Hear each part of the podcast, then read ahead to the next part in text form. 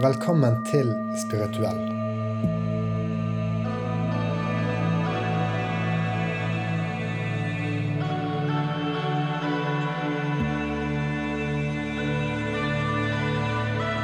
Dette er en podkast som utforsker det å leve et spirituelt liv. Å være spirituell betyr ikke å være gal. Det handler om å utforske sitt indre, gjerne gjennom meditasjon eller yoga. Mitt navn er Håkon. Jeg er høyskolelektor i selvledelse, og jeg elsker å snakke med folk om hvordan de lever sitt spirituelle liv. I dag har jeg besøk av Ingunn Ytterhus, som nå bor i Oslo og driver med breathwork for grupper. Hun eh, våknet for det spirituelle for noen år tilbake, og jeg er interessert i å høre om hennes reise. Jeg har invitert deg i dag fordi at eh, du har bare en sånn gnist, eller at du virkelig mener noe med det du gjør, og det skinner gjennom veldig Ja, med et voldsomt lys, da. Og da blir jeg bare nysgjerrig. Altså, bare tenker, jeg blir nysgjerrig for lyst til å spørre deg liksom Hva har fått deg dit? Og, eh, og eh, endelig kan du få snakke masse om deg selv. Ja, hvem liker jo ikke det? Ja, det, Hvis man tør å innrømme det. Så, det, ja. det tror jeg de fleste gjør. Ja. Men, eh, men jeg og sikkert mange andre er, er jo nysgjerrige, da. Så ja, skal vi begynne et sted du har lyst til å begynne? Hvem hvem er du? Mm, først og fremst tusen takk for at eh, du inviterte meg, og vi kan ha den samtalen her. Uh, skal vi se hvor man vil begynne. Det spørsmålet har jeg ikke fått. Det er mer Kan du påpeke ett spesielt En spesiell opplevelse hvor ting snudde? Og det, da er mitt svar det er vanskelig, for det er mange ting. Men eh, den historien, den versjonen jeg pleier å fortelle, som jeg jobba mest med, er eh, begynner å nærme oss fire år nå. Hvor det ble det livet jeg visste tok slutt. Hadde samboer over flere år. Bodde i utlandet, hadde vært i utlandet og levd og jobba og studert i mange år. Alt var knytta til den historien, oss to, det livet der. Eh, ikke tanker og formeninger om noe annet, for det hadde pågått så lenge. Hvor var det? Bare sånn eh, I utlandet, hvor, hvor var dette her? Eh, var, dette skjedde da i Paris, og før det var det i Australia i flere år. Så Så da var det i Paris for fire år siden. ja. Med, med, med samboer og jobb. Hva jobbet du med da? var det var litt fra og til, men jeg jobba som community manager på et uh, internasjonalt kontor. Voksenjobb, altså. Voksenjobb. og før det så var det litt uh, Hadde jeg ennå hva man kaller voksnere med gåseøyne. eh, marketing manager og event manager for et eh, internasjonalt software-selskap i Melbourne. Wow. Studerte bachelor og master i Melbourne i tillegg, så gjort mye Ja visst. annerledes. Ja. Og så bor du i Paris, da. Og så hva, hva skjedde da, da? Mm, hva skjedde da? Det som var ment, eh, ment å skje? Nei, det var vel eh, Jeg skal jo ikke lyve og si at det var helt uventa når livet plutselig tok en brå vending. Jeg hadde jo kjent at noe er på ferde. To år før så ble jeg jo introdusert til en alternativ livsstil. Begynne å tenke litt for seg selv. Den er litt vanskeligere. sånn Når skjedde det? Hva spesifikt var det? Men jeg var jo inne på noe, sto opp en time før jobb for å meditere, gjøre yoga. Var veldig åpen, ta rotkort, lese om alt mulig. Så jeg var jo inne på noe allerede. Ja, Så det var før fire år siden? Ja, da snakker vi kanskje seks år. Ja, Så du, du tok noen små steg? Ja, jeg tok noen små steg, så når den virkelige livsendringen kom, så Det jeg mente med at det ikke var et helt sjokk, var fordi i ettertid begynte jeg å se at selvfølgelig, du har jo også vært en del av det.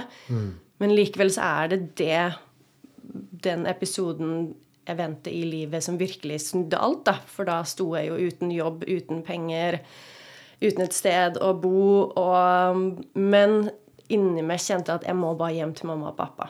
Jeg er over 30 år, har ikke bodd der på 17-18 år, men det er eh, Det føles riktig. Veldig skamfullt. Så jeg, å, dra hjem igjen? Å dra hjem til mamma og pappa med en litt sånn eh, Jeg husker ikke det norske ordtaket nå, men eh, at man kommer hjem Mm. uten noe som helst, og opp på et rom man egentlig ikke har bodd på mange, mange år, og hvor går veien nå? Ja. Teppet er liksom dratt under deg. Hva skjer? ja. Så det var liksom kollapset litt i Paris, da? Veldig. Ja. Var det på grunn av at du åpnet deg for det spirituelle? Eller var det helt uh... Mm, fint spørsmål, for det husker jeg han sa, for det var han som gjorde eh, slutt, for vi skulle flytte inn i en ny leilighet samme uka. Oi. uh, ja, okay. så vi holdt på og styrte med det. Og så var det Vi må ha en samtale. Dette går jo ikke bra. Eh, du har jo endra det. Og det var et Ja. ord jeg la merke til. Du har endra det, og, fikk enda mer skam for at jeg hadde endra meg, og det måtte jo da være grunnen til at det ble slutt. Tenkte jeg jo i starten. Ja. Det hadde jo ikke trengt å være en grunn, tenker jeg, da. Men, Ja. men hvis han eh, ser på det sånn, så må det jo bli sånn. Ja, for man vet jo aldri hva det er egentlig er årsaken der og da når man sitter i det. Og jeg husker jo fortsatt det øyeblikket når han sa at dette går ikke så bra. For jeg jobber jo mye med følelseslivet og har satt meg selv tilbake i den spesifikke situasjonen. Og jeg vet jo du vet hvordan traumer fungerer, og det vet jeg mange gjør. Og det er jo så overstimulert. Det er så mye som foregår i et øyeblikk, så hjernen tar det snapshotet som da blir et minne som da setter seg også i hele kroppen. Så du husker alle følelsene, bildene. Ja. Så jeg husker jo hvor jeg satt, hva jeg hadde på meg, hva som var i rommet hvor han sto. Og den iskalde følelsen hvor lufta går ut av deg. Det kommer helt ned i magen. Og det er som at et lokk bare går over det. Sånn Gardina går ned, og så kommer livsgnisten opp igjen. Og den forsvarsmekanismen. OK, hva skal jeg ta med meg? Den Nå må jeg rømme. Jeg får gåsehud bare jeg snakker om det, for jeg husker det Jeg husker det så intenst, da. Så, så det kom litt uventet, da. Ja, der og da gjorde det det. Akkurat at dette er det øyeblikket vi skal snakke om det. Ja, han liksom mm. hadde gjort seg klar og satt seg ned. Mm. Ja. Nå liksom, akkurat så, ja. Ja. Hva, hva var det han mente hadde endret seg med deg, da? For det er jo greit om du går vekk et kvarter og mediterer, antar jeg, men liksom, var det liksom livsstilen, eller at du ikke ville gjøre noe annet lenger, eller hva, Yes. hva tror du han så som et problem? Det du sa der, at Mm. jeg hadde, at jeg hadde endra meg og endra interesser, endra verdier, endra livssyn. Jeg var ikke interessert i å bare ha en jobb for å ha en jobb. Tjene penger for å tjene penger. Jeg ville jo også ta og yogautdannelse i Bali, og det var vi jo uenige om. At Ja, da burde jeg bruke jobbe med opp i to år for å ha råd til det, men jeg ville jo dra med en gang.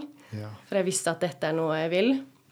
ja for da, da føler jo han seg eh, uviktig, sant, når du plutselig har. Mm. lyst. Og så må du være ærlig med deg selv, sant? så du hadde jo lyst til det. det, det Og det var- gjorde jeg. Det noe, du gjorde det En kult. måned etterpå. Ja, det liker jeg godt å høre. Så det var når det var tid for å pakke. Det er greit. Da Mm. tar vi alt det utstyret som skal hjem til Norge, og en koffert til Bali. Jeg hadde ikke bestilt, jeg visste ikke hvor jeg skulle, men jeg hadde den intuisjonen om at jeg hadde et par måneder før snakka med Sacred Pats yogastudio, som er eh, yogaskole, som jeg endte opp med å dra sammen med. Eh, jeg hadde jo snakka med de, selvfølgelig ingenting er tilfeldig, et par måneder før og visste at dette er noe som er interessant. Og så var det jo eksakt en måned etterpå, så satt jeg jo der på åpningsseremonien. Ja. Og nå var jeg her. Det var sikkert den energien han følte at uh, Ingunn har lyst til Ingen vil noe Ingunn Ingen vil noe annet. Og det, Ja. og det visste jo du også, egentlig. Ja, ja, ja. Så det var eh, Nei, det var eh, noe som måtte skje, og jeg er så takknemlig for det i dag, og jobba masse med det øyeblikket der, og har bare gode ord, har aldri følt noe negativitet, for det eh, Han satte meg fri, da, er sånn jeg ser på den dag i dag, og jeg håper vi møtes igjen, og jeg får takka han for den opplevelsen. Og det var jo det han snakka om, det med at du har endra det. Jeg vet ikke om det er plass til mer lenger i måten du vil leve på.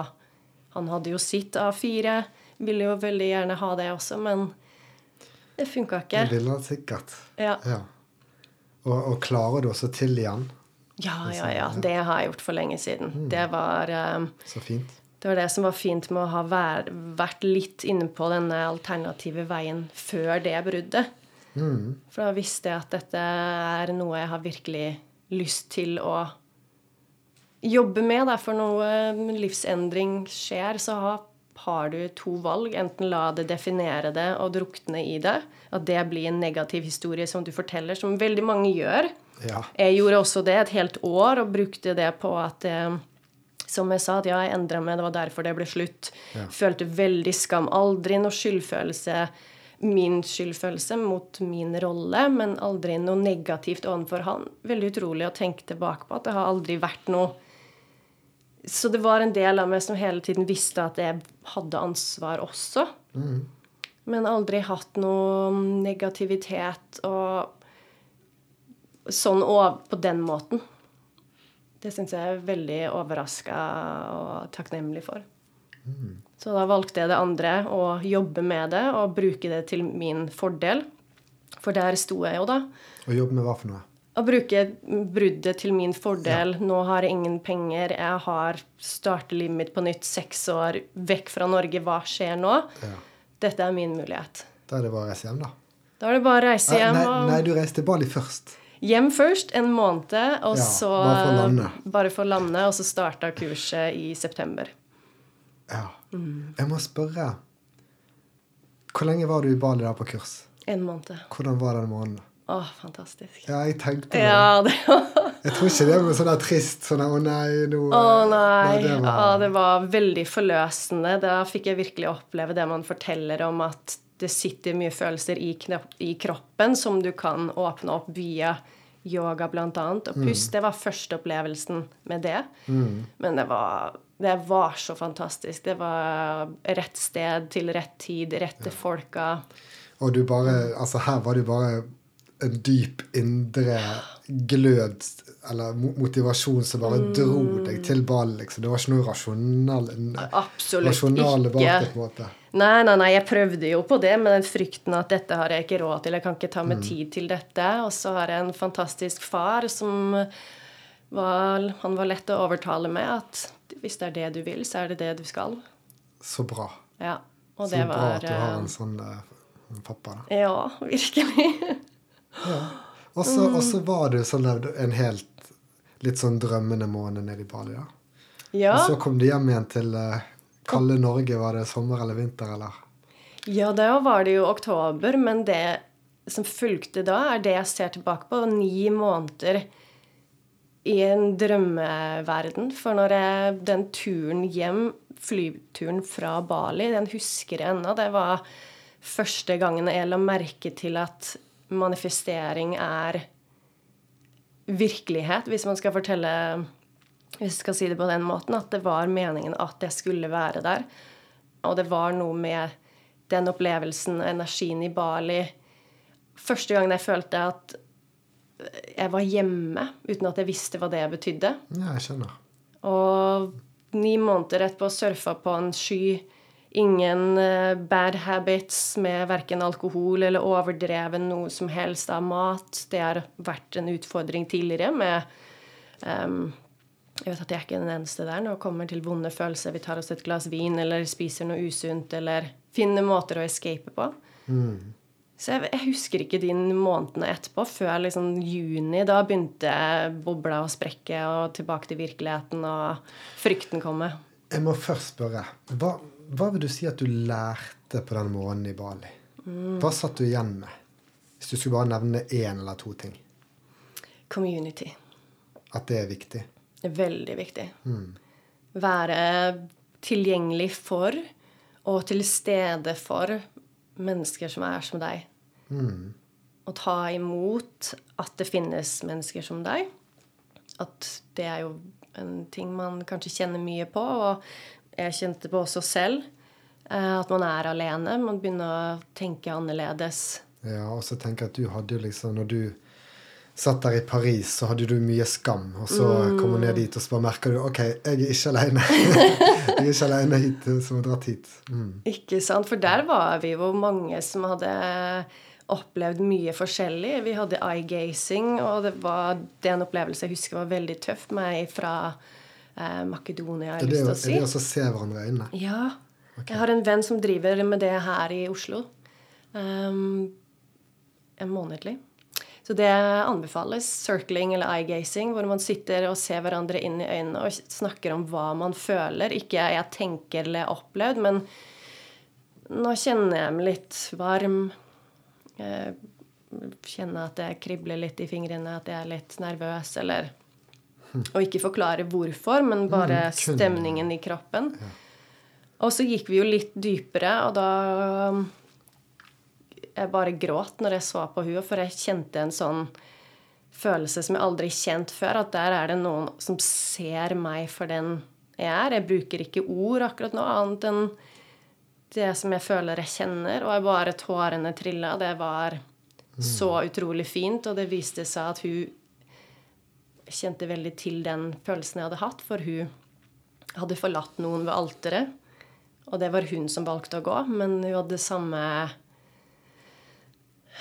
opplevelse Samme følelse, da, selv om det ikke er samme opplevelse. Hun hadde faktisk forlatt noen ved, ved alteret. Faktisk. Hun valgte å gjøre det, ja. ja. Samme dagen. Så Oi. ja. Og dra. Det Og så da dro Det er på tur. instinktet i deg som snakker, altså. Ja. Og, og, og det instinktet er så viktig å lytte til. Jeg vedder på at det er titusenvis som har stått over alt og vet at de tar feil valg. liksom. Og de merker det mest når, de, når det er på den dagen. Ikke sant. Absolutt. Og det er et godt poeng at jeg tror vi alle har alle vet det har den indre stemmen der. Noen er det tydeligere for. Jeg har lagt merke til, ser tilbake og reflekterer at den har vært i livet mitt i så lenge jeg kan huske, og ble sterkere etter bruddet, for da var det sikkert mye som falt Mye sånn eh, tanker og historier og hva mener det? Requirements, expectations. At det falt, og da kom det rom opp for tvil, da. Og stille spørsmål. Men ja, jeg tror absolutt vi alle har den indre stemmen der Ja, også, som banker på. Og så en, en ting er å lytte til den, eller si nei til den. For det går an å bruke det rasjonale eh, fram i pannelappen og så bare si nei. Men, men en, en annen ting som jeg har merket, er at etter jeg er liksom blitt mer spirituell, da, så, så har jeg blitt mye mer sensitiv for den stemmen. Altså om du kaller det gut feeling eller eh, det som kommer til deg, eller hva som helst. Jeg, jeg har begynt å så bli flinkere å kjenne etter hva den sier. Og så nå sier jeg jo selvfølgelig ja. Så lenge jeg ikke går utover noen andre, da. Men jeg er veldig snill med meg selv disse dagene. Eller mer og mer, egentlig, de siste, Ja. de siste årene. Ja, og hvordan har det påvirka deg, da? Når man tillater den å Mye mer eh, overskudd, da. du er mye mer tro mot deg selv. Ikke sant?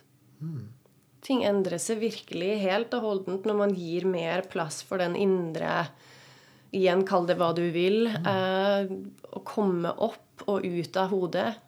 Og det er det som har vært det viktigste frasen jeg kan dra ut fra disse siste årene og reflektere tilbake. Komme ut av hodet, ned i kroppen og følelsene. Og kunne leve mer og mer der, da. Og gi den mer plass enn, som du sier, at alt skal være så rasjonelt. Det er jo en grunn til at man føler seg stuck. Som, vi, som jeg kjente på at jeg gjorde før det bruddet kom. da, Hvor det er da jeg mener den Han satte meg fri fordi jeg følte meg stuck i gamle mønster. Hva er veien videre? Dette har jo bare blitt sånn. Jeg vet jeg vil noe annet, men jeg vet ikke hvordan. Og så skjedde det som skjedde, som hvor alle tråder ble klippet vekk, og free falling. Hva vil du? du gjøre nå? Ja. ja, jeg likte det du sa da, at det liksom, du må ut av hodet og ned i kroppen og kjenne, liksom. Jeg, jeg tror jeg, jeg var jo veldig analytisk før. Alltid sånn oppi hodet sånn der Hva kan liksom gjøre meg mer suksessfull? Sånn strategisk, nesten manipulerende. Veldig mye hode. hodet. Det var ikke noe sånn der hva har jeg egentlig lyst til her? Det var sånn der OK, hvordan kan jeg spille dette sjakkspillet sånn at jeg gjør det bedre på jobb, får flere venner? Eh, det Det er jo det man blir vist også. Det er jo, vi er jo mange som er der. Og hvordan kan man bli mer, eh, bedre likt? Hvordan kan man eh, være med og bidra på en måte sånn at vi alle har det bra? Men ikke kanskje fra den indre kjernen med at har det bra, bra, men hvordan kan det gjøre at ingen snakker stygt om meg, eller at vi er likt, og ingen blir eh, mm, trua av min suksess, hvis det gir mening? Ja, Så det er jo ikke rart at man blir analytisk når det er kan, kanskje hodet er mer sånn eh, nå, nå bare snakker mens jeg tenker, men yeah. kanskje hodet er mer sånn at jeg tenker på hva, hvordan andre ser deg. Mens, mens kroppen, som du nevner, det er mer Ja, men hva har jeg lyst til hvis jeg driter i hva de andre mener, liksom? Ja, det var fint. Ja, det har vært et stort skifte. Og de sier jo det at uh, the, the longest journey you can take is from the descent from the mind back into the heart. At det er en livslang reise å jobbe med det, da, ut av de Ehm, Jeg husker ikke det norske ordet, men perceptions, hvordan du ser på meg, hvordan jeg ser på at du ser på meg. Det er James Cooley um, uh, saying, den har du sikkert Jeg har hørt. sett den, jeg har sett den, ja. Yeah, I'm not who I think I am. I am who I think you think I am. Nettopp. Og sånn går vi rundt. Ikke sant? Og så det der at det tar lang tid å komme fra hodet til hjertet igjen. Da. Fordi at når du er en liten, eh, et lite barn, liksom, så lever du fra hjertet. Da er det jo Freuds ID som springer rundt og gjør akkurat som han eller hun vil. Og så og så blir vi mer og mer identifisert med ting da, og begynner å eh, tenke og s- s- kjøre strategier og tenke med hodet. Og da er det Da er det en lang vei å dra tilbake. Derfor denne spirituelle reisen aldri er liksom Det tar tre måneder. Det er liksom eh, Jeg har jo holdt på noe i fire Vel fire år, og liksom Jeg merker at jeg er på begynnelsen. Men eh, det er litt sånn der eh, Så lenge hvert steg føles bra, så er det jo verdt det, liksom. Ja, helt enig. Det er jo å tillate seg selv å være en begynner igjen, og det som har vært, det har vært. Å gå tilbake og bruke det som lærdom. Da ikke bruke at det er kartet for hvor jeg skal videre, men det er et bevis på hvor jeg har vært. Deler av meg. Hva kan jeg lære av det? Å gå videre. Og jeg syns det er fint å vite at det er en reise, for jeg har blitt veldig oppheng, opphengt. Det er et negativt ord, men jeg mener på den positive måten at det å lære mer om meg selv og vokse helt besatt av det, det er noe av det fineste jeg vet, da. Så jeg syns det er fint at det er en reise som aldri tar slutt, for jeg har ikke lyst til at det skal ta slutt, eller? For da, hva skjer da, da? Nei, da begynner du å, Hvis du er lykkelig, da begynner du å slappe av, da, tenker jeg. Jo, jo, slappe av. Det er jo en del av reisen. Å kunne tillate seg selv å være mer til stede. More pleasure. More relaxation. Mm, peace. Ikke sant? Men jeg tenker hvis man slutter med den reisen den, Det blir jo ikke en jakt, men det å ta til seg, være åpen Ja. Det som blir på andre siden da, blir jo den glemme at den verden eksisterer, og gå tilbake i den firkantboksen, og det er jo uaktuelt. Går, går det an, for helt ærlig? Jeg tror ikke Hvis du har åpnet døren, altså det er helt uaktuelt for meg også. Ja. Jeg tror ikke jeg har møtt en som liksom er på en spirituell reise som sånn der Nei, vet du hva, nå skal jeg begynne å så eh, gå til, jeg skal få den der kontorjobben igjen, og så skal jeg virkelig gjøre det bra og spille det spillet bra igjen. Det var Ja. bedre. Nei, det er et godt poeng. Det har ikke jeg hørt om heller. Men det er vel den frykten. Det skal jeg innrømme jeg kjenner litt på. Litt mindre nå, men jeg har kjent på det. Den frykten at den henger der, at på en eller annen dag eller tidspunkt så er det noen som drar meg vekk fra den stien, da. Ingen kan dra deg vekk fra den stien. Det er sant. Det er vel mitt menneskelige som kommer inn igjen, da. Vet ikke. Ja, ja det, det tror jeg virkelig ikke kan skje. Det er ingen som har makt over deg til å si at nå må du få en jobb igjen. Nei. Altså jobb, selvfølgelig har du jobb, men altså, altså nå, må du, noe nå må du tilbake til A4-livet. da. Ja. Nei, det toget har kjørt, tror jeg. Ja. For, for begge oss to, og sikkert, eh, sikkert de som hører på. ja, så jeg, jeg, jeg, jeg pleier også å være sånn varsom når jeg begynner å snakke om liksom hva å våkne er. da. Mm. Fordi at hvis en ikke vet det, så åpner du døren hvis du forklarer det godt nok. ja. Og da, da har du åpnet den for den andre personen. Mm. Og det tror jeg vi er veldig varsom med. Absolutt. Fordi de må virkelig Du merker på noen hvis de er åpne for å høre. Liksom. Jeg, jeg har lyst på liksom eh, ta denne reisen. I- Hjelp meg, liksom. Det, De bare utstråler det, da. Mens andre som liksom der Du må ikke presse det på noen. Ja. Absolutt. Og det tror jeg kan være veldig lett i starten. Kanskje ikke å presse det på, men at man, man begynner å lære ting. Man ser verden på en annen måte, ting på en annen måte. Begynner å legge merke til indre prosesser og en opplevelse du har. Får du et, plutselig et sekund å reflektere, og du legger merke til ting som du aldri har lagt merke til før. At det er lett å kunne ha lyst til å fortelle om det til andre hvis du ser andre gjøre det. Jeg kan relatere Ja. meg. Ja. Der tror jeg vi alle kan være, men det er den subtile forskjellen med å prakke på noen. Litt sånn Jeg har også vært eh, ekstrem eh, fanatisk på kosthold på ulike måter. Og da er det lett å komme i den Ja, jeg skjønner hvorfor du føler deg sånn og sånn, fordi du spiser sånn og sånn, eller mangler det. Å komme med Med løsninger. Ja, løsninger Ja, når det ja. ikke er eh, kanskje rom for det. Det tror jeg sånn tråkke Mm. I den salaten er litt sånn Man må finne sin egen ja, fordi at det har funket for deg, ikke sant? og da har du lyst til å hjelpe. Ikke sant? Og så kan det jo at det funker for andre. Hvem vet? Men Ja. eh, men, ja. Men du, du nevnte så vidt at eh, du så verden på en ny måte. Og så snakket du om det indre. Men Mm. hvordan ser du verden på en ny måte? Litt stort spørsmål, men Mm. Hvordan ser du på verden nå, da? Versus før? Åh, ja, det er lettere å svare på Ja.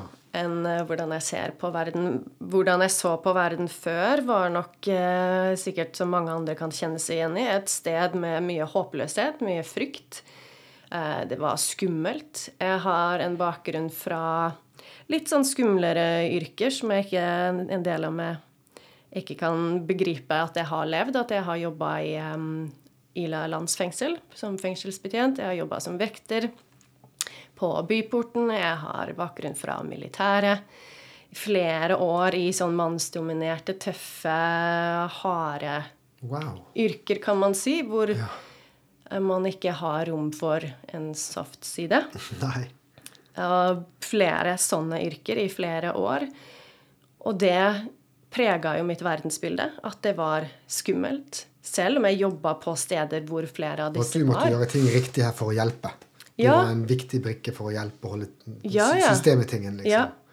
Ja. Og det var, det var en fin del av det, men når jeg dro derfra igjen Og det er ganske spesielt at jeg var aldri F.eks. når jeg jobba på en av de eh, mest beryktede fengslene i Norge. Jeg var veldig trygg der, men så fort jeg var tilbake i Oslos gate på kvelden, så var jeg livredd. For det blir jo litt med at da er du på jobb, her er det trygt.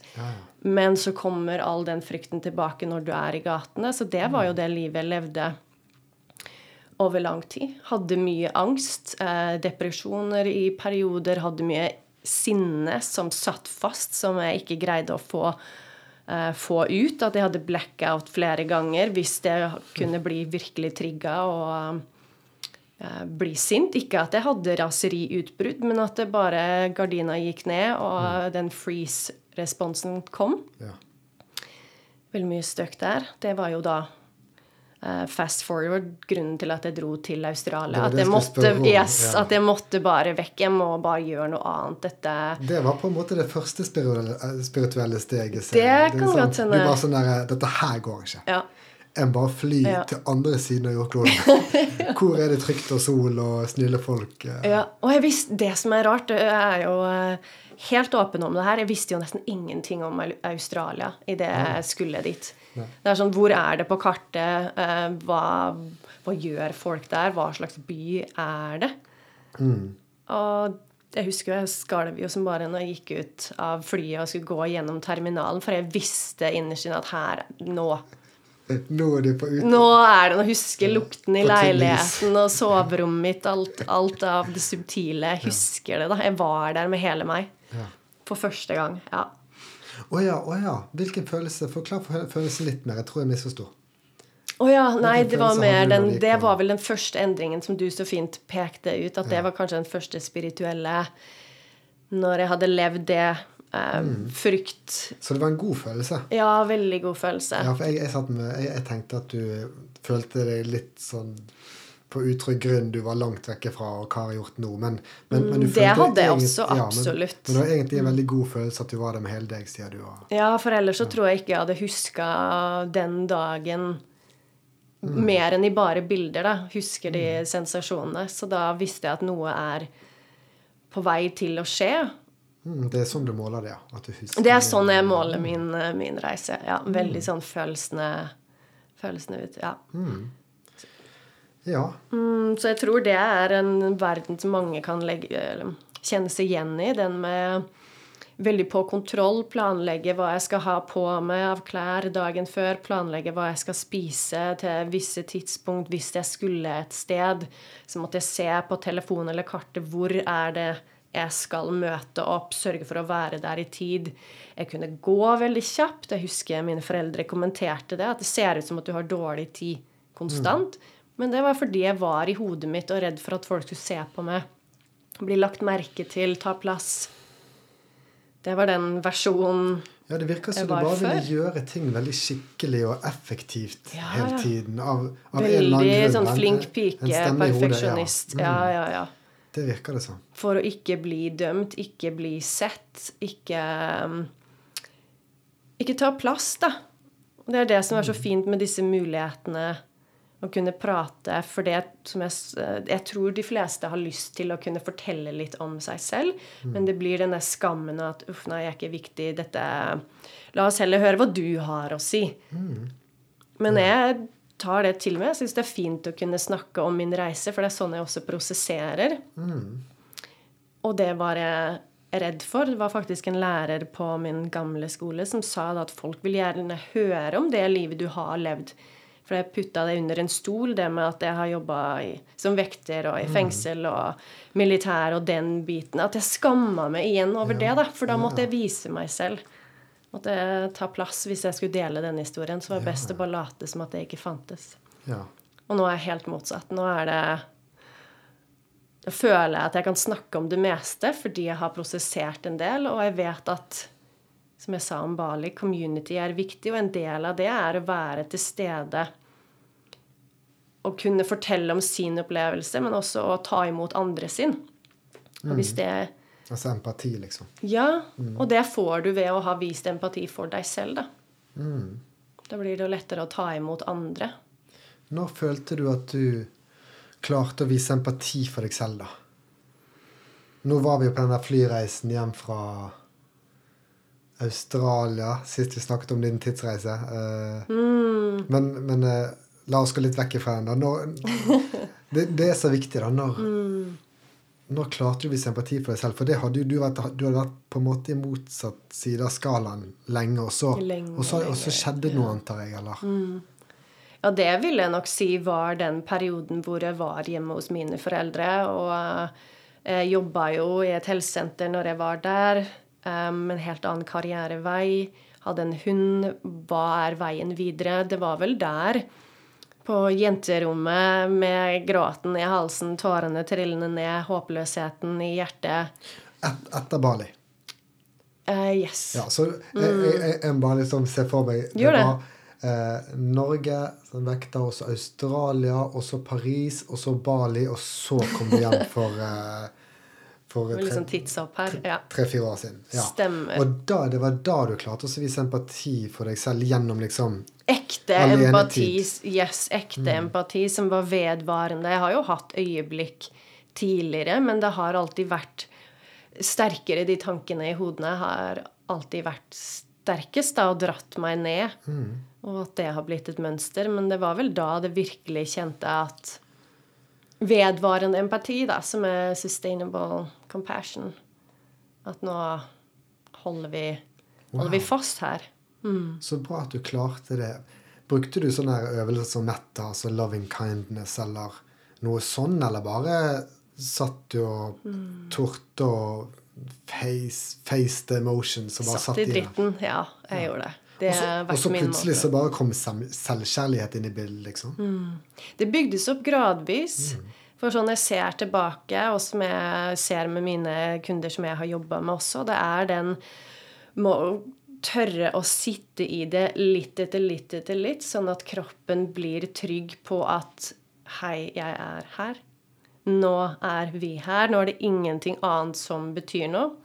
Det er en muskel, på en måte, hvis du vil se på det som sånn, som trengs å bli jobba med.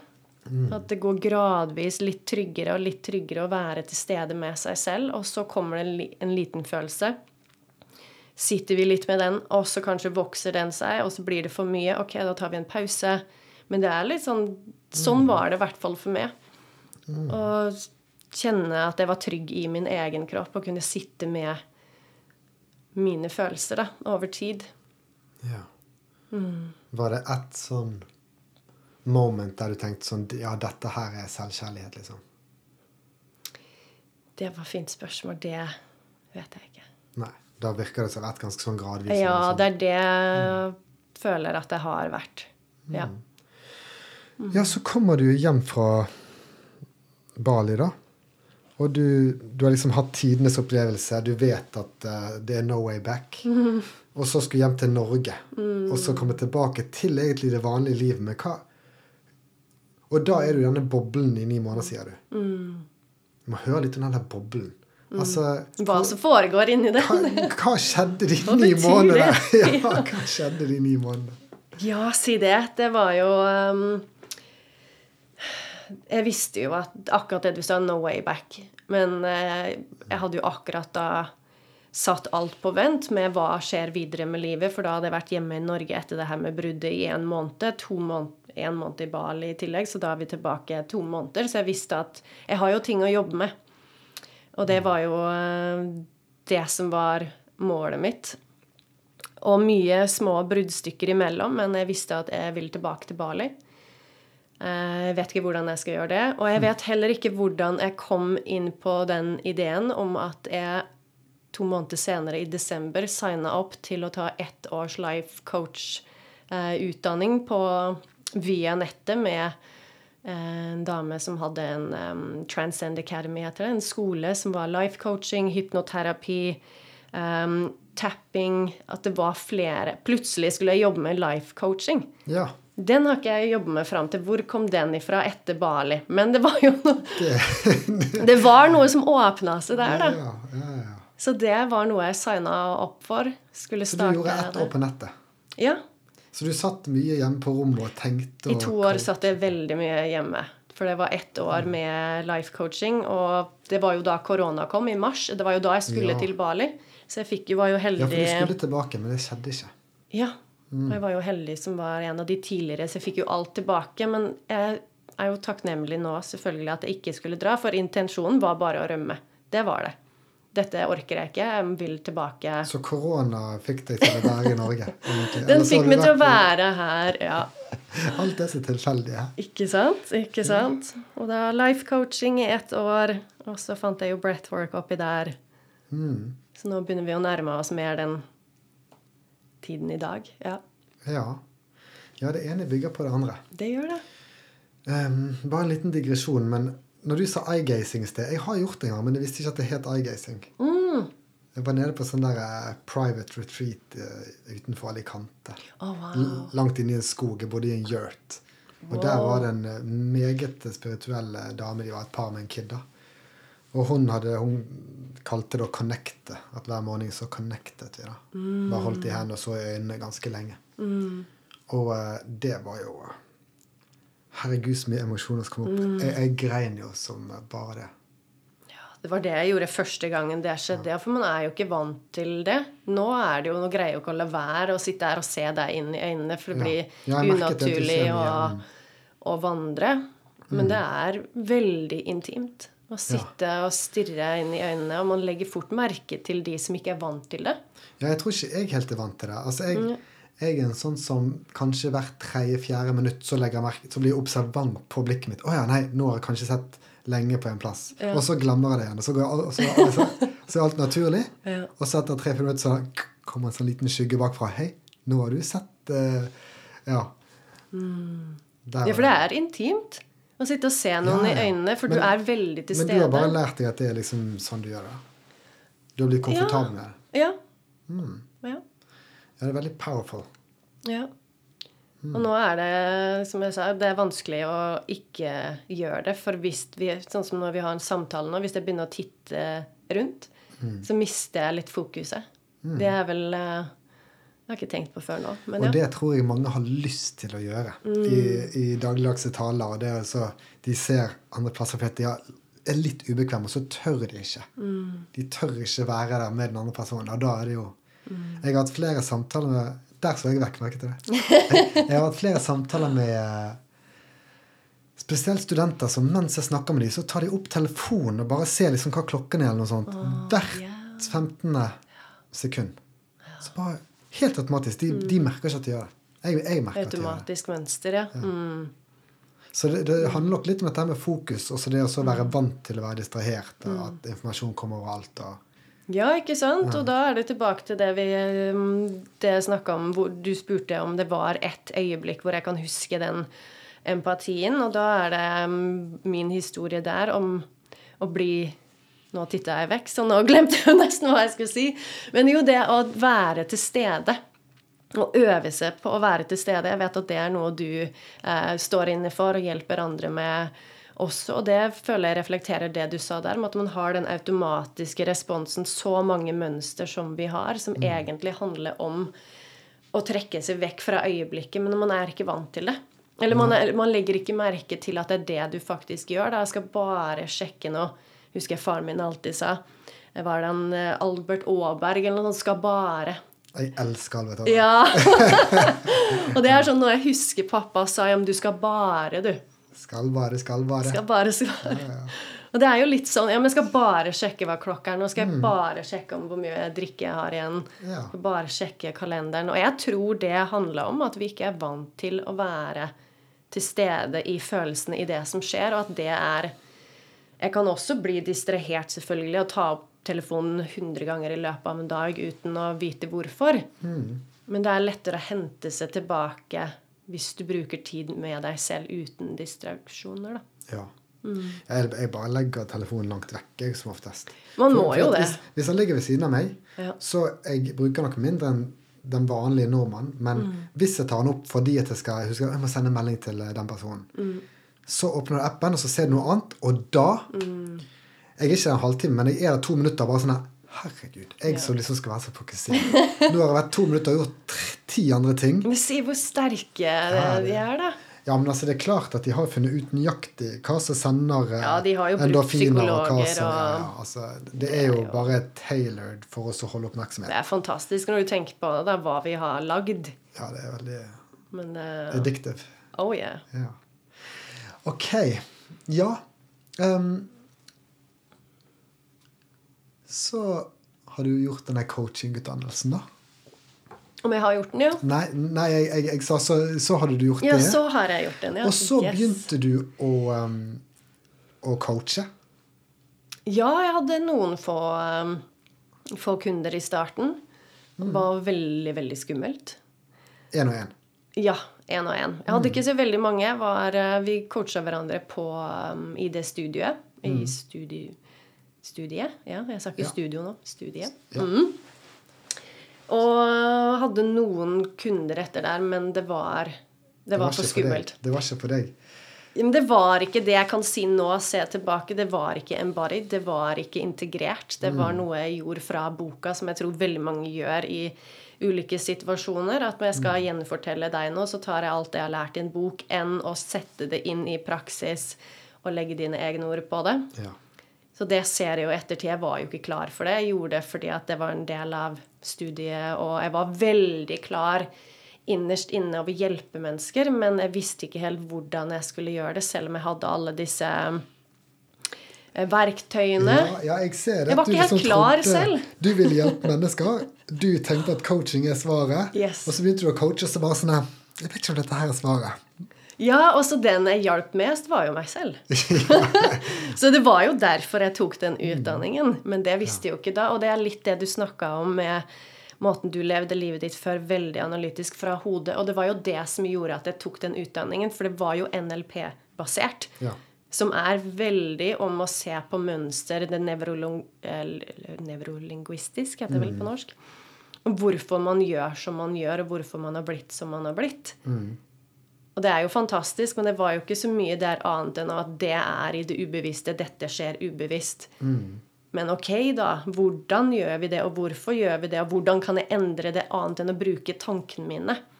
Med å repetere og bruke andre ord. Jeg blir veldig god på å bruke andre ord. Se sammenhenger. Bruke teknikker for å avbryte ulike mønster. Bygge med nye mønster. Ja, men nå må du gi et eksempel. Ta, ta, et, ta et mønster. Jeg elsker mønster, skjønner du. Ta et mønster som du, eh, som du endret til deg selv. da. Trenger Negativ selvsnakk, da. Ja. Jeg er ikke flink, jeg skal og jeg må. Og var det i noen situasjoner du sa det til deg selv? At du ikke var flink, f.eks.? Ja, f.eks. hvis det var en presentasjon jeg skulle ha. Da var det at ja, men dette, du er jo ikke bra nok. Og det, du vet jo egentlig ikke hva du snakker om, Ingunn. Du er jo falsk, men du må jo bare prøve. Du må jo bare ta det sammen. Fordi alle de andre gjør det. Også den der etter du har gjort noe. Snakke negativt om deg selv etterpå. Ja, det var ikke bra. Det var ikke en bra presentasjon.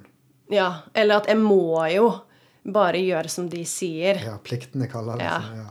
Bruke de ordene. Og du hadde jo alltid vært sånn i hermetegn flink pike. Ikke og sant, så de det, det, ordene det var bare fortsetter, da, de traumene der. Ja, ja, ja. Og så, og så var, er jo steg én å bli bevisst på det. da. Mhm. Absolutt. Veldig viktig. sant? Ok, jeg går rundt her og så snakker negativt om meg selv. Mm. Og så, hva var steg to for deg, da? Steg to var jo å legge merke til hva det gjorde med meg når jeg sa de tingene som jeg sa. Om at du er dum, du er fæl, dette går jo ikke bra, du kommer jo til å stryke, du er ensom. Uh, alt, alt det der. Legge merke til hvordan det følte meg, og det var jo ikke bra. Og så å lære seg ord Hvis man sa 'må', bytte det til 'jeg har lyst' eller 'jeg, jeg kan'. Eh, og snu hvis det var 'du er dum'. Er ikke så verst. Det er jo sånne ting som høres banalt ut, men det er mye vi Sånn at hver gang du sier noe, så skal du liksom Stoppe. endre Ja, ta en pause. Ja. Ta en pause, legge merke til det. Og så si det på en ny måte. Yes. Så du sletter ikke selvsnakket, du. Det er bedre å Oppgradere. tweake det. Oppgradere. Yes. Ja. Det er jeg stor bare- fan av. Hvorfor kan du ikke bare slette det? Det handler jo om anerkjennelse. Da. Anerkjennelse av at det er dette Det er noe man snakker om, og jeg tror ikke på det av Spiritual bypassing er jo også et ord, men at man Jeg vet ikke om det var riktig brukt her. Men Jeg vet bare ikke, jeg har ikke, jeg har ikke hørt om det. Nei, ok. Nei. Men det blir jo å anerkjenne at nå sa jeg noe stygt og noe negativt om meg selv, og heller legge merke til, som jeg sa, hvordan føles det? Nå er du dum, Ingunn. Det var ikke så greit. Nå kjenner jeg at skuldrene kommer litt inn, brystet synker litt sammen, jeg blir litt Men- nervøs, og så Ja, det, Da er du veldig sensitiv, vil jeg si, som er kjempepositivt. er at du sant. Mm. merker at når jeg sier tingene, så er det noe med kroppsholdningen, får dårlig følelse, brystet litt sånn Men det igjen tar jo litt tid, så det man kan starte med, er jo å legge merke til, som du sa, hva er det jeg nå sier? Mm. Og så bare finne et bedre utgave. Det er jeg veldig fan av, enn at bare Nei, det skal jeg Å, jeg skulle ikke ha sagt det. For da er man jo tilbake det i den Det funker ikke. Det er akkurat som å si 'nå skal ikke jeg snuse mer'. ja. Det, det er liksom ikke Og hjernen forstår ikke Hva er det den sier på engelsk, da? Jeg må ta det på engelsk. Ja. It doesn't understand negation. Så den forstår ikke ord som ikke. Den hører bare Mm. det som kommer før og etterpå. Nå skal jeg slutte. Nå skal jeg ikke snuse. Den hører 'nå skal jeg snuse'. Oh, ja. Så det lærte jo NLP, at de negative ordene det er det er viktigere å oppgradere, for den forstår ikke det uansett. Så det, det hjalp meg da, og da Jo, jeg er god nok, eller jo, det var ikke så verst, det var ikke så dumt å le litt av det negative Ja. enn å gå inn i den å, det skulle jeg ikke ha sagt. For da blir det en sånn spiral, og så tenker man mer på det man sa, enn å huske å oppgradere. Ja, og så menene går vel mer tilbake til det du sa, Mm. istedenfor hvordan situasjonen faktisk var. Så når du tenker tilbake et halvt år siden Nei, den presentasjonen der var ræva. Mm. Fordi at du hadde sagt til deg selv 20 ganger etter at den var ræva. Selv om den ikke var det. Ikke sant? Ja.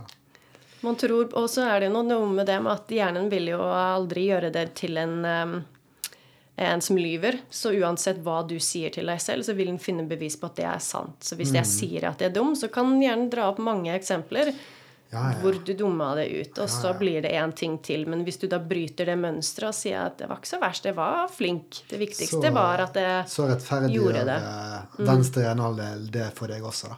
Sant? Mm. Da blir det en sånn lite skurring i systemet. Kult. Som gir den pausen, da. Hvis jeg har et mønster som jeg ikke er fornøyd med, så spør jeg meg selv har jeg lyst til å være den personen. Det er sant. Eller ikke Det kan være hvis du f.eks. bare sier klart ifra om noe til noen. Så spør man seg har lyst til å være den personen. Av og til sier jeg sånn Ja, der synes jeg faktisk at jeg burde si klart ifra. Og da gjelder det også å si det på en empatisk måte. da. Um, eller ikke-voldelig kommunikasjon. Og så Ofte er jo svaret nei, jeg har ikke lyst til å være den personen. Og da må du gå inn og så endre. Og så liker jeg det du sier, at du kan endre liksom, og så bruke lingvistikken, altså ordene, og, og endre de. Jeg tror vel jeg, jeg, har mer, jeg, jeg har mer brukt en annen teknikk. Mm, ok. Og det er jo sånn som å gå til uh, Hvorfor sa jeg det? Og så gå helt tilbake til traumen. Men det kan Mm. Det jo ta lang tid. tid. Men sånn, at, hvorfor sa jeg det på den harde måten?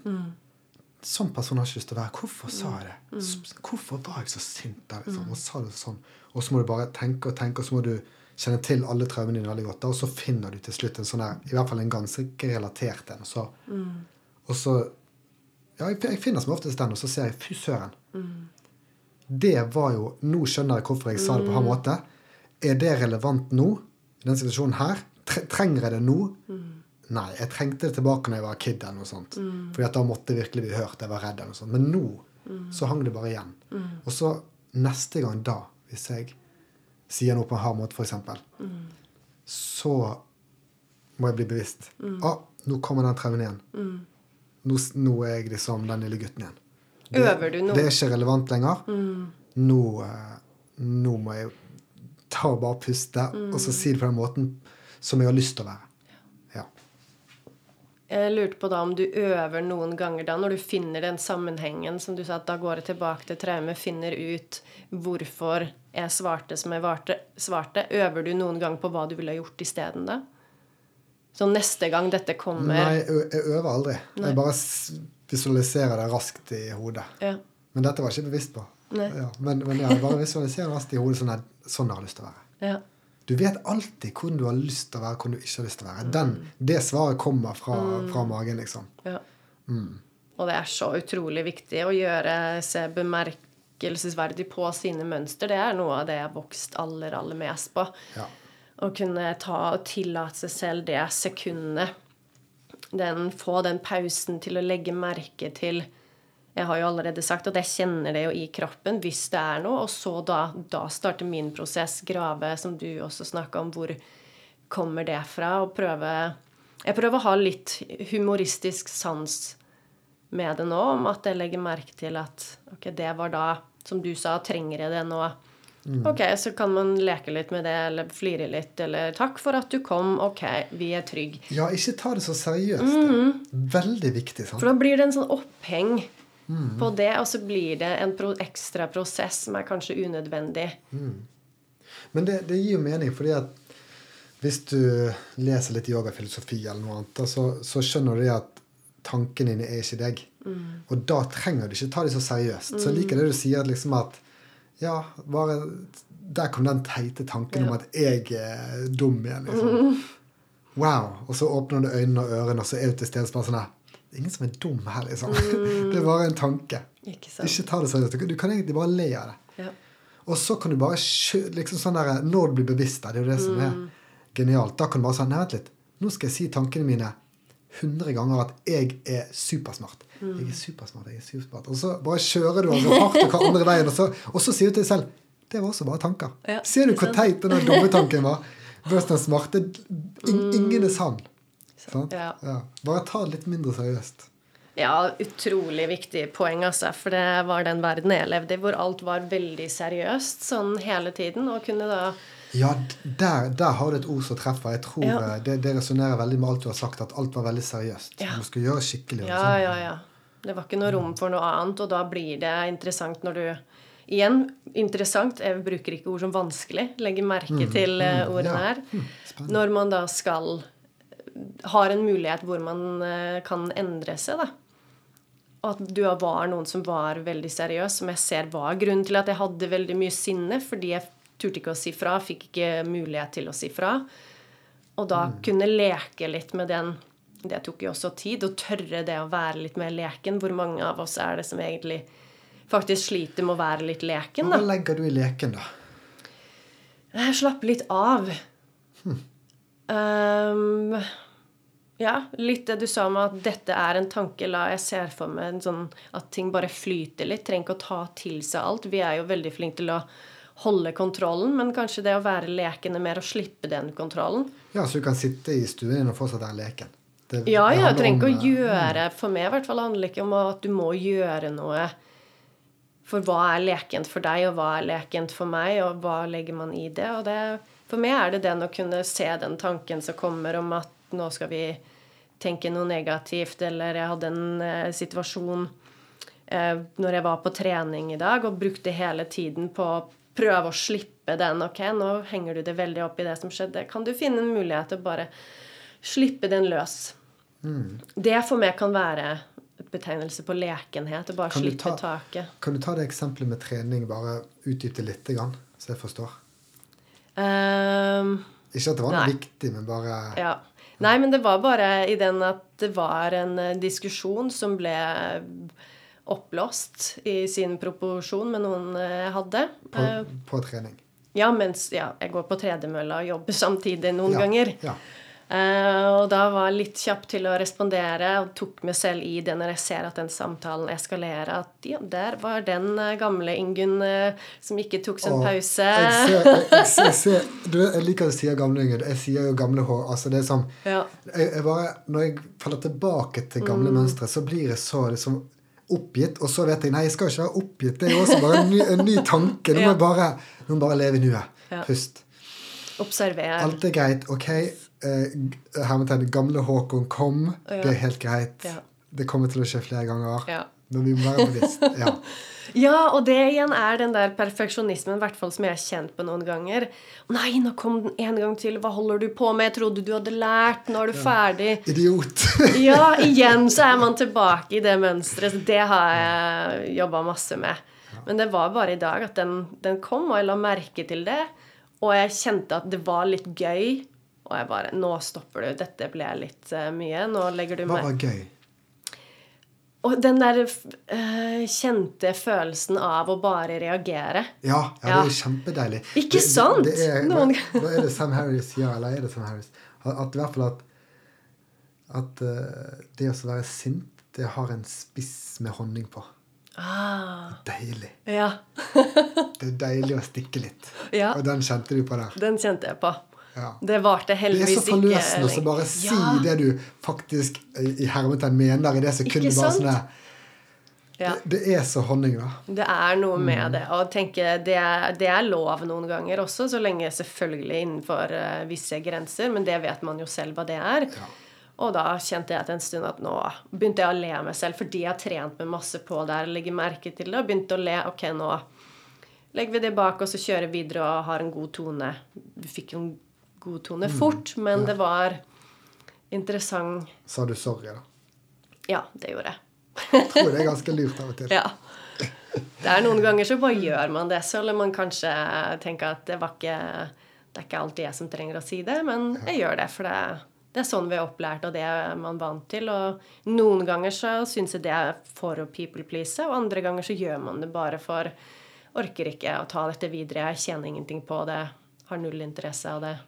Ja, Vær litt sånn leken med det at det Ja. går fint, nå, ja, nå slipper vi den. kult. Ja. Det er jo å være the bigger person, er ikke det? da? Ja. Litt. ja, det føles godt. Men vi må ikke bli stolt av at vi vet at vi er the bigger person. Nei, det er noe med Det er så vanskelig å så Åh, liksom eh, den har jeg også kjent på. Ja, Ja, ja, ja. Ja jeg vet mer enn deg. Ja. Stolthet er forferdelige greier. Det må man passe seg for, ja. Ja. Mhm. Og så går alle rundt og sier at det var så bra, jeg er så stolt av deg. og dette er bra greier. Sånn, vi slutte å være stolt? Det er farlig å være stolt. Ja, Ja. Det har jeg og Bernt snakket om mye i denne podkasten her. Ja, dere har det, ja. Ja, stolthet, altså. Mm. Stolthet og altruisme. Det er det som har kommet mest under øksen. Ikke sant? Vi må tenke på oss selv. Vi må ta vare på oss selv. Mm. Det er veldig viktig. Ja, så, så det virker som at du liksom nå, i ditt daglige nå, da, så Sånn som jeg forstår det, så bruker du ganske mye tid å sitte og liksom meta Sitte i metakognisjon, da, og liksom reflektere og Men du sitter ikke på rommet ditt hele dagen? Nei, det gjør jeg ikke. Nei. Jeg får de dypeste connections når jeg går tur eh, med hunden min. Jeg er jo så heldig at jeg har en liten hund som vi da må, må eller har lyst, igjen, pass på ordene, gå tur med. Og når jeg er i naturen, som sikkert så mange andre også, man er Det er så lett å være til stede, og det er da som oftest disse refleksjonene kommer. Integreringen ofte kommer. Eh, sikkert ikke Plutselig bare kommer noe til Ja. deg. 'Å, jeg burde Eller 'Å, sånn og sånn henger det sammen', eller Ja, mer den enn uh, noe annet. Har alltid telefonen med meg, ikke bare for å være tilgjengelig, men kunne skrive ned, eller eh, hva heter det, sånn diktafon til meg selv. Det gjør jeg veldig ofte.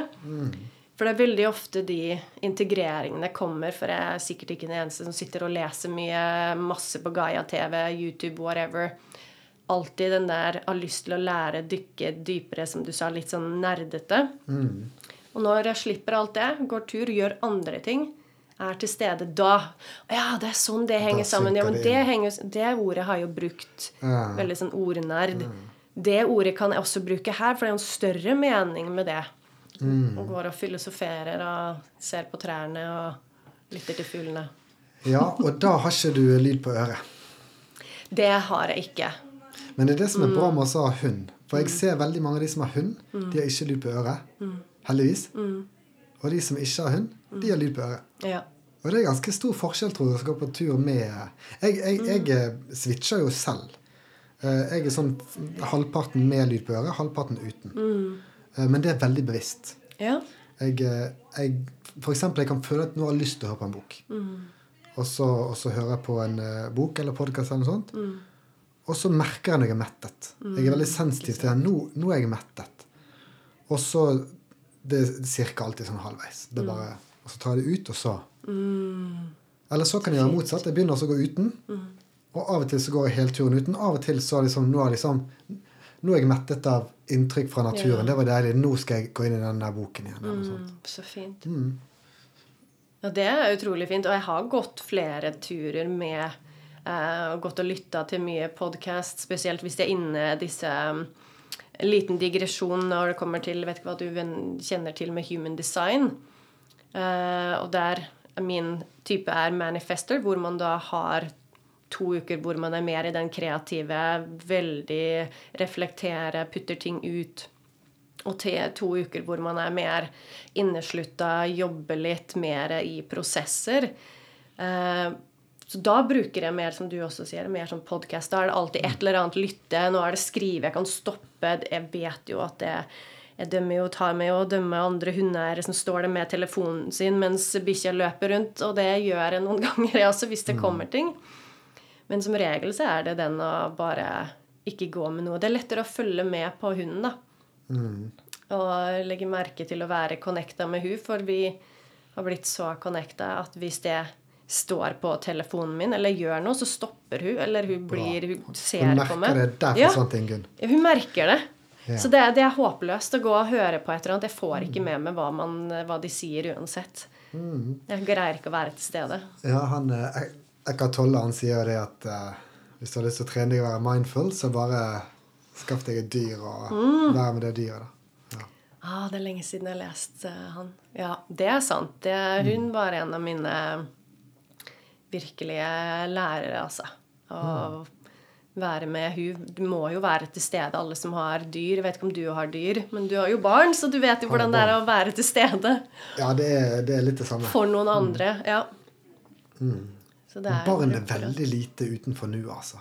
Ja. Merker på min datter. Altså, det er sånn eh, Hvis du begynner å forklare noe som har skjedd eller skal skje hvis hun holder på med noe, det, det er ikke interessant. Hvis det ikke kan skje nå, Ja. så er det ikke interessant. Men vi voksne vi er veldig sånn her, vi liker å dagdrømme og tenke tilbake på det hva kunne skjedd. da. Når skjer det egentlig? ja, si det. Det er når eh, egoet vokser i, i tenårene, antar jeg. Og Derfra var en bok jeg har lest som det er mellom null og seks år, så er du veldig åpen for alt. Og det er når du bikker seks år at de programmeringene begynner å, å feste seg. Og du begynner å eh, være mer opptatt av å følge de programmene enn deg selv. Ja, for et eller annet tidspunkt så blir du liksom så reflektert, la oss si det du år, da, at du skjønner at ah, hvis jeg er kul, så vil flere leke meg, som igjen gjør at jeg har det mer gøy. Og det er en farlig tanke. Og hvis det gjør det for mamma, så blir hun glad, som betyr at vi kanskje kan gjøre sånn og sånn, eller jeg får den tingen, eller Ja. mer den der Hva får jeg ut av det her hvis det jeg gjør? Litt mer sånn kalkulert, uten at man egentlig Nettopp. tenker Du spiller et spill istedenfor Yes. å bare være ærlig. da. Ja. Sånn, nå har jeg lyst til å så uh, For det har man prøvd, litt- da. Ja. Det har man prøvd. Null til seks år, så prøvde Ja. du å være ærlig, og da fikk du straff for det. Det var ikke godkjent. Ja, hos mange, i hvert fall. ja, du får sikkert litt straff hos de fleste. Eller man får beskjed om at eh, hysj, sånn gjør vi ikke, sånn sier vi ikke, gå på rommet ditt. Å, herregud. Barneoppdragelse, altså. Jeg har fått så mange støkk i meg. Ja, når jeg Ja. hørte den podkasten med Gabor Maté og Joe Rogan om, eh, om barneoppdragelse, og, og hvor feil han der spokk Spock har hatt i alle disse tiårene. Mm. Det er så krise. Ja, Og det at de går mot instinktet. Det er jo det, er det vi snakker om her. Så går mot instinktet. ja absolutt. At de begynner også å ha et spill. når vi skal la La oss si Mm. La ungen gråte. For sånn at barnet de, gråte. ja, Ja. sånn at de lærer. Ja, det er eh, Å, jeg elsker han. Han er så fantastisk av Bormate. Det er virkelig verdt en oppvåkning. ja. Jeg har jo ikke barn, men jeg syns det er uansett interessant og fint å lære læringsnerd, sånn at når den tiden kanskje eventuelt kommer, eller å se andre hvis Jeg har jo venner med barn, og de kommer med sine bekymringer, og kunne være til stede og forstå hvor det kommer fra. Og kanskje være til stede for de da, og hjelpe de. ja, altså uansett så snakker vi om dette her med traumer også. Sånn at Ja. plutselig så begynner du også å forstå alles reaksjoner på alt. Du bare sånn, Der ligger noe, der ligger noe, der ligger noe. Sånn, sånn går jeg rundt. ja. Ja. Og så eh, tenker jeg akkurat samme om meg. Altså, jeg Ja, er ja, langt ja. fra perfekt. Altså, det var, jeg bare ser, Der var det en traume, der var det en traume. ja. Ja. Der var den gamle Håkon, og der kom den versjonen. Og Ja. det tror jeg på at alle har vi flere versjoner av oss selv, og det er så utrolig viktig å anerkjenne de delene av oss. Jeg har jo også um, studert mye av det parts therapy, jeg husker ikke hvem som har det, men hvor man da er en del av seg selv. Og når man har gått gjennom noe traumatisk, så ligger den delen igjen, og oppgaven er da å gå tilbake litt sånn inner child healing, så gjør man jo det. Man går jo tilbake til det stedet hvor man hadde en opplevelse, møter seg selv og drar den med tilbake til dagens versjon, da.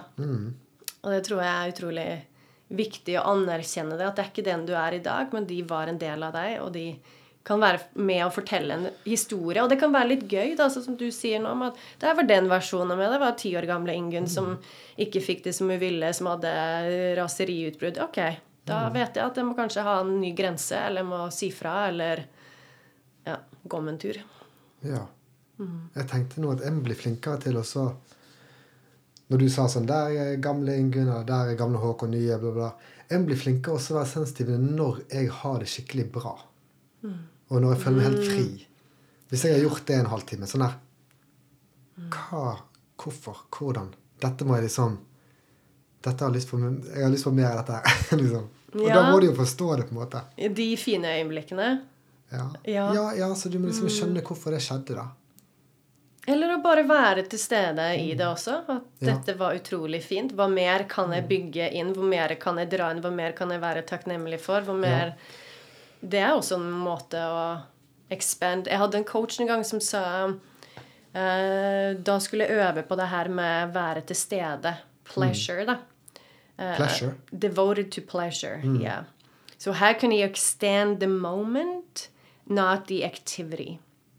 Så hvordan kan du være til stede med en kopp med te, ikke i sekunder, men i følelsen av å være til stede? Og det måtte jeg lære Hvor meg. dypt kan det være til stede, Ja. liksom? Det er to akser. En er tid, og en er dyphet, liksom. Ja. Mm, ja, hvor dypt klarer du det? På en level fra én til ti? Ja, ikke sant? Nei, det vet jeg ikke. Men jeg vil si at den versjonen jeg er i dag, og holder på å bli hele tiden, er utrolig flink på å kose med. Og da mener jeg ikke kose med med god mat, og, men å virkelig være til stede hvis jeg skal ta en ettermiddagshvil. Det handler også om å kose seg. Det var jeg aldri Det gjorde jeg, tillater meg aldri selv å gjøre, men det er utrolig viktig for meg nå. Mm, fordi jeg har dag, muligheten også. Deilig! Og der er bare et lite eksempel at hvis jeg skal først ta en ettermiddagshvil, skal jeg gjøre det fullt ut. Da har vi bolster under knærne, jeg har vektdyna, hunden min oppå med, øyemaske, diffuser, drikker en kopp te. Det er liksom fullt ut. Hvor dypt kan jeg gå i den følelsen av å Ja. slappe av og Airplane mode. Ja. Ja, det har jeg konstant uansett. Ja, ja, ja. Jeg ser det for meg. Det er veldig bra. Uh, sånn ja. Vekkteppe, ja, det har jeg også prøvd. Ja. Kule greier. Det er deilig. ja. For de som ikke vet hva det er, det er bare et tungt, mykt teppe som veier veldig mye. Og så når du ligger det over deg, så føler du at du får en klem. på en måte. Ja, virkelig. Det er, eh, det er veldig spesielt. Jeg følte meg litt sånn klaustrofobisk første gangen jeg prøvde det, så de anbefaler å kanskje ikke legge deg til å sove første gangen du bruker det. Men Ja, å øve ja. Øv på ettermiddagshvil da, med den dyna. Ja. Ja. Ja, så, så um, På fritiden så går du mest tur, og så er du hjemme og nerder. Det er eh, fint eh, oppsummert, ja. Og så er det litt med venner, kanskje. ja. Litt på eventer og underviser litt yoga og holder litt seminar Nei, ikke seminar. Eh, seremonier med breathwork. Ja. Og eh, jobber du mye? Eller jobber du sånn en fin balanse, liksom? For meg er det en perfekt balanse. For andre, det kommer jo an på igjen deres standpunkt. Noen mener at det er kanskje for lite, og andre mener at det er helt passe. Så jeg trenger ikke å si akkurat hvor mange timer det er, men for Nei, meg er det i hvert fall ja. For meg er det perfekt balanse med at det er litt av hvert. Litt jobb for andre, og så er det mest tid til det som er viktig for meg, da. Og det er rett og slett selvrealisering. Ja. Akkurat. Og Det er jo der vi bør ligge. ja. Ja. Så jeg er veldig um, takknemlig for den balansen jeg har greid å har i dag. Det er jo en prosess, det òg, å kunne som vi har snakka mye om her, å slippe de mønstrene med at det skal se ut på en spesiell måte. Den igjen, den hodet Hvordan vil hodet jeg skal leve? Hvordan skal hverdagen min se ut? Ja, du lager en container. Jeg Ja. må være snill og tøff og sånn og sånn. og sånn. Og så, Jeg må ha den jobben. ja, altså, Dess mer du definerer den containeren, dess mindre fri er du. Altså, Dess Yes. mindre blir containeren mer og mer kompakt. Ikke sant?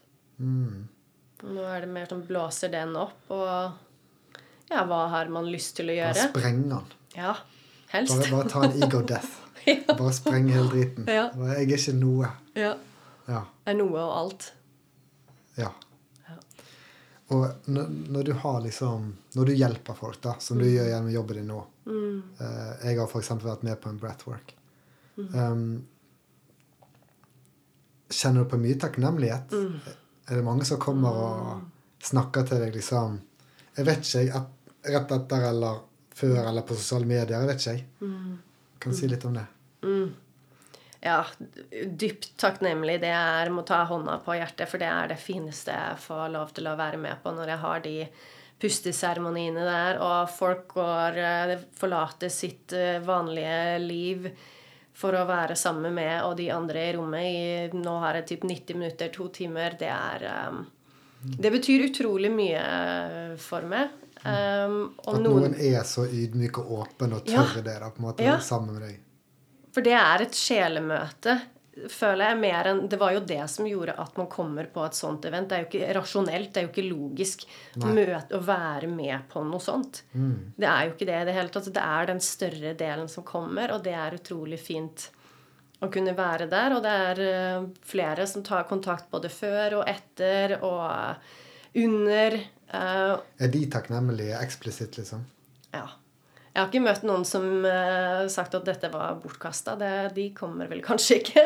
Men at det har vært takknemlighet, og at det har Mange kommer og sier at det er en opplevelse de aldri har vært med på før. At de finner ikke ord, men det var noe meget, meget spesielt Mm. Det er bra at de ikke finner ord, for ord klarer ikke å Ikke beskrive sånne ting. Ja.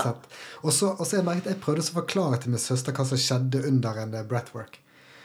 Og da liksom Ja, så så jeg eh, Gud, og så um, forsto jeg hva life force og kjærlighet er. Og så og så hun bare Jeg bare så hvordan hun så på meg. Jeg bare, Å herre, dette høres bare helt teit ut. Ord klarer ikke Altså, Hvis du prøver å så sette ord på det, så blir det bare helt altfor store ord og helt teit. Og du må bare prøve det. Ja. De sier at uh, The word honey is not the same as tasting honey. Det er liksom Det er to forskjellige ting. Yes. ja. Det er det, og det er derfor jeg også sier at det er um, experiential journey. Det er noe du må føle, du må kjenne på det. Du kan ikke sitte og lese om hva er breathwork. Du må oppleve det, som du sier, og så få kjenne på det. I, det er jo en kroppslig opplevelse. ja. Og det er det jeg syns er um, det mest magiske med det. Så ja, virkelig Det er det fineste jeg gjør. Jeg eh, Bare helt på tampen så tenkte jeg også nevne det at eh, jeg også krasjlandet i London som artist når jeg var 30. Og dro hjem til mamma og pappa etter å ha mistet eh, dame, jobb og eh, all, eh, all selvrespekt på to måneder. Åh, Så da var det krasjland i Sogn og Fjordane. Begynte som lærer på barneskolen. wow. ja. Så fint. Ja, Der ser man. Det er, det er derfor det er fint å dele, for plutselig er man ikke alene. Takk. Ja. Så der, eh, der har du min empati. Ja. Det, det er ikke lett, men det måtte til, på en måte. ja. Å ja. Og den å innrømme det at nå Jeg velger heller å starte på nytt eller gjøre noe annet enn å bare fortsette som før. Det, det krever mye mot, da. Det, å, å gjøre noe helt annet. Og en ting å lære, det er jo veldig stor forskjell fra det rockelivet, artistlivet du levde i London, var det det? Og så komme tilbake til Vet ikke om du er fra bygda, men jeg er fra bygda i tillegg. det, Så var, det var til Sogn og Fjordane. ja, ikke sant? Ja. ja, så der tok Veldig jeg samme kontraster. reise. Men er du glad for at det skjedde alt det der i Paris, da? Ja, ja, ja. Jeg er veldig glad for at det skjedde i London også. Ja.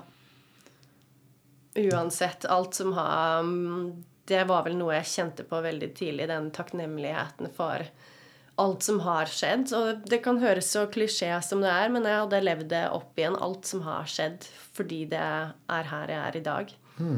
Og det var det vondeste jeg har opplevd, selvfølgelig. Men når man begynner å innse at ofte så er det de krasjlandingene som du sier, som er de vendepunktene for veldig mange, da. Ja. Når man begynner å anerkjenne det og tør Det- å si det det, så er- man jo ikke den eneste. Det er en grunn til at du begynner å våkne, si. Ja. Det er liksom, det kommer ikke altså hvis, altså, Tilbake til det der med at du ikke skal prøve å så presse Mm. noe på noen. Hvis noen har det veldig bra altså Jeg, når jeg var 25, jeg var jo kjempelykkelig. Mm. Men jeg var jo fullstendig eh, i søvne. Ja, ja. Men, men ingen kunne prøvd å så komme til meg da og så si eh, 'vil du bli spirituell'? Jeg hadde Mm. bare sagt 'nei, har du sett livet mitt'? Det er jævlig fint. jeg jeg, var jo på sånn jeg trenger ikke noe bisvas. Trenger ikke det bare tull. Jeg var jo på sånn spirituell messe også, og det var jo det var jo bare humbug. Det var jo bare teit. Det er jo ikke sant. Ta rot, les. Jeg kan lese min fortid. Det her er noen som jeg syns det er bare Dette løgn. skal jeg bare tjene penger på. Ja, ja, ja, ja. Og jeg skal ikke la meg lure. Mm. Det kan de bare glemme. Jeg var lenge skeptisk til sånne tarotkort. Og det er fordi at jeg tror at liksom vi må gi så lite til tilfeldighetene som mulig, da. Vi må liksom kjenne heller på liksom gut feeling, som hva bør ta dit. Og så var det selvfølgelig noen som viste det til meg, ikke for så veldig lenge siden, for jeg har vært litt sånn negativ. Og da var det jo noe jeg hadde helt utelatt. Og det er jo det faktum at du kjenner med hånden at hånden dras mot et kort. Og da var det plutselig ikke tilfeldigheter mer. Så da måtte jeg rett og slett smake litt på den. Så nå er jeg helt åpen. Jeg har ikke prøvd noe særlig, men jeg er helt åpen for å se hva som skjer. Ja, jeg elsker det. Det er så gøy. Det er det du sier, å bruke den intuisjonen. Den kan man bruke i det meste, om det er tall, eller om det er eh, hva slags signaler det er. Symboler, kart. Bare hva, hva tror du det betyr? Det pleier jeg ofte å introdusere i når folk deler sin opplevelse med breathwork eller andre ting jeg gjør. Men hva tror du? spør de meg om. Jeg vet ikke hva det betyr. Hva betyr det? Ta meg selv i å svare Hva betyr det for deg? Nettopp. Det er det som er jeg, jeg, For jeg har veldig lyst til å si Ja, ja, min mening, og det gjør jeg ofte noen ganger. At jeg, hvis du vil vite, så kan jeg godt gi mitt perspektiv. Men take it or leave it. Det som ikke føles riktig, føles ikke riktig. Men hva tror du? Og så begynner man å grave, og så ta tilbake den kraften om at Ja, jeg vet ikke. Men jeg vil gjerne høre hva du sier. Det er jo også veldig menneskelig, og kan du fortelle meg Så slipper jeg å tenke, slipper jeg å finne ut det, slipper jeg det ukomfortable, den usikkerheten ikke vet. Det prøver jeg å fokusere på. Til og med mine yogatimer, hvor jeg prøver å sette container fra starten. At dette er en Og time sette Sette liksom spacet Ja. i starten av timen. øh, Og at dette er en time hvor uavhengig av hva slags instruksjoner jeg kommer med Lytt til din kropp. Hva Hva føles riktig? Vil du gjøre dette, eller vil du gjøre noe helt annet? Fordi vi blir fortalt nok om hva vi skal. Og her står du fritt til å kjenne. Ikke tenke selv, men kjenne etter. Ja. Jeg liker det veldig godt. Alle må lytte til seg selv. Ikke hør på de andre. Lytt til hva du selv har lyst til å gjøre. og Ikke si- hør på mora di, Jens, begynte jeg å tenke på det. Er det en god avslutning? ja, ikke sant? Til deg. Ja. Eh, Bare helt sånn på tampen. Mm. Um, hvor finner folk deg? Ja, Instagram, navnet mitt. Eh, så enkelt er det. Navnet ditt er bare Ingunn Ytterhus. Nettopp. Det er nok den eneste på Instagram som heter det. Skal være lett å finne. Ja. Ok. Takk for i dag. Takk for i dag. Takk for at jeg fikk komme.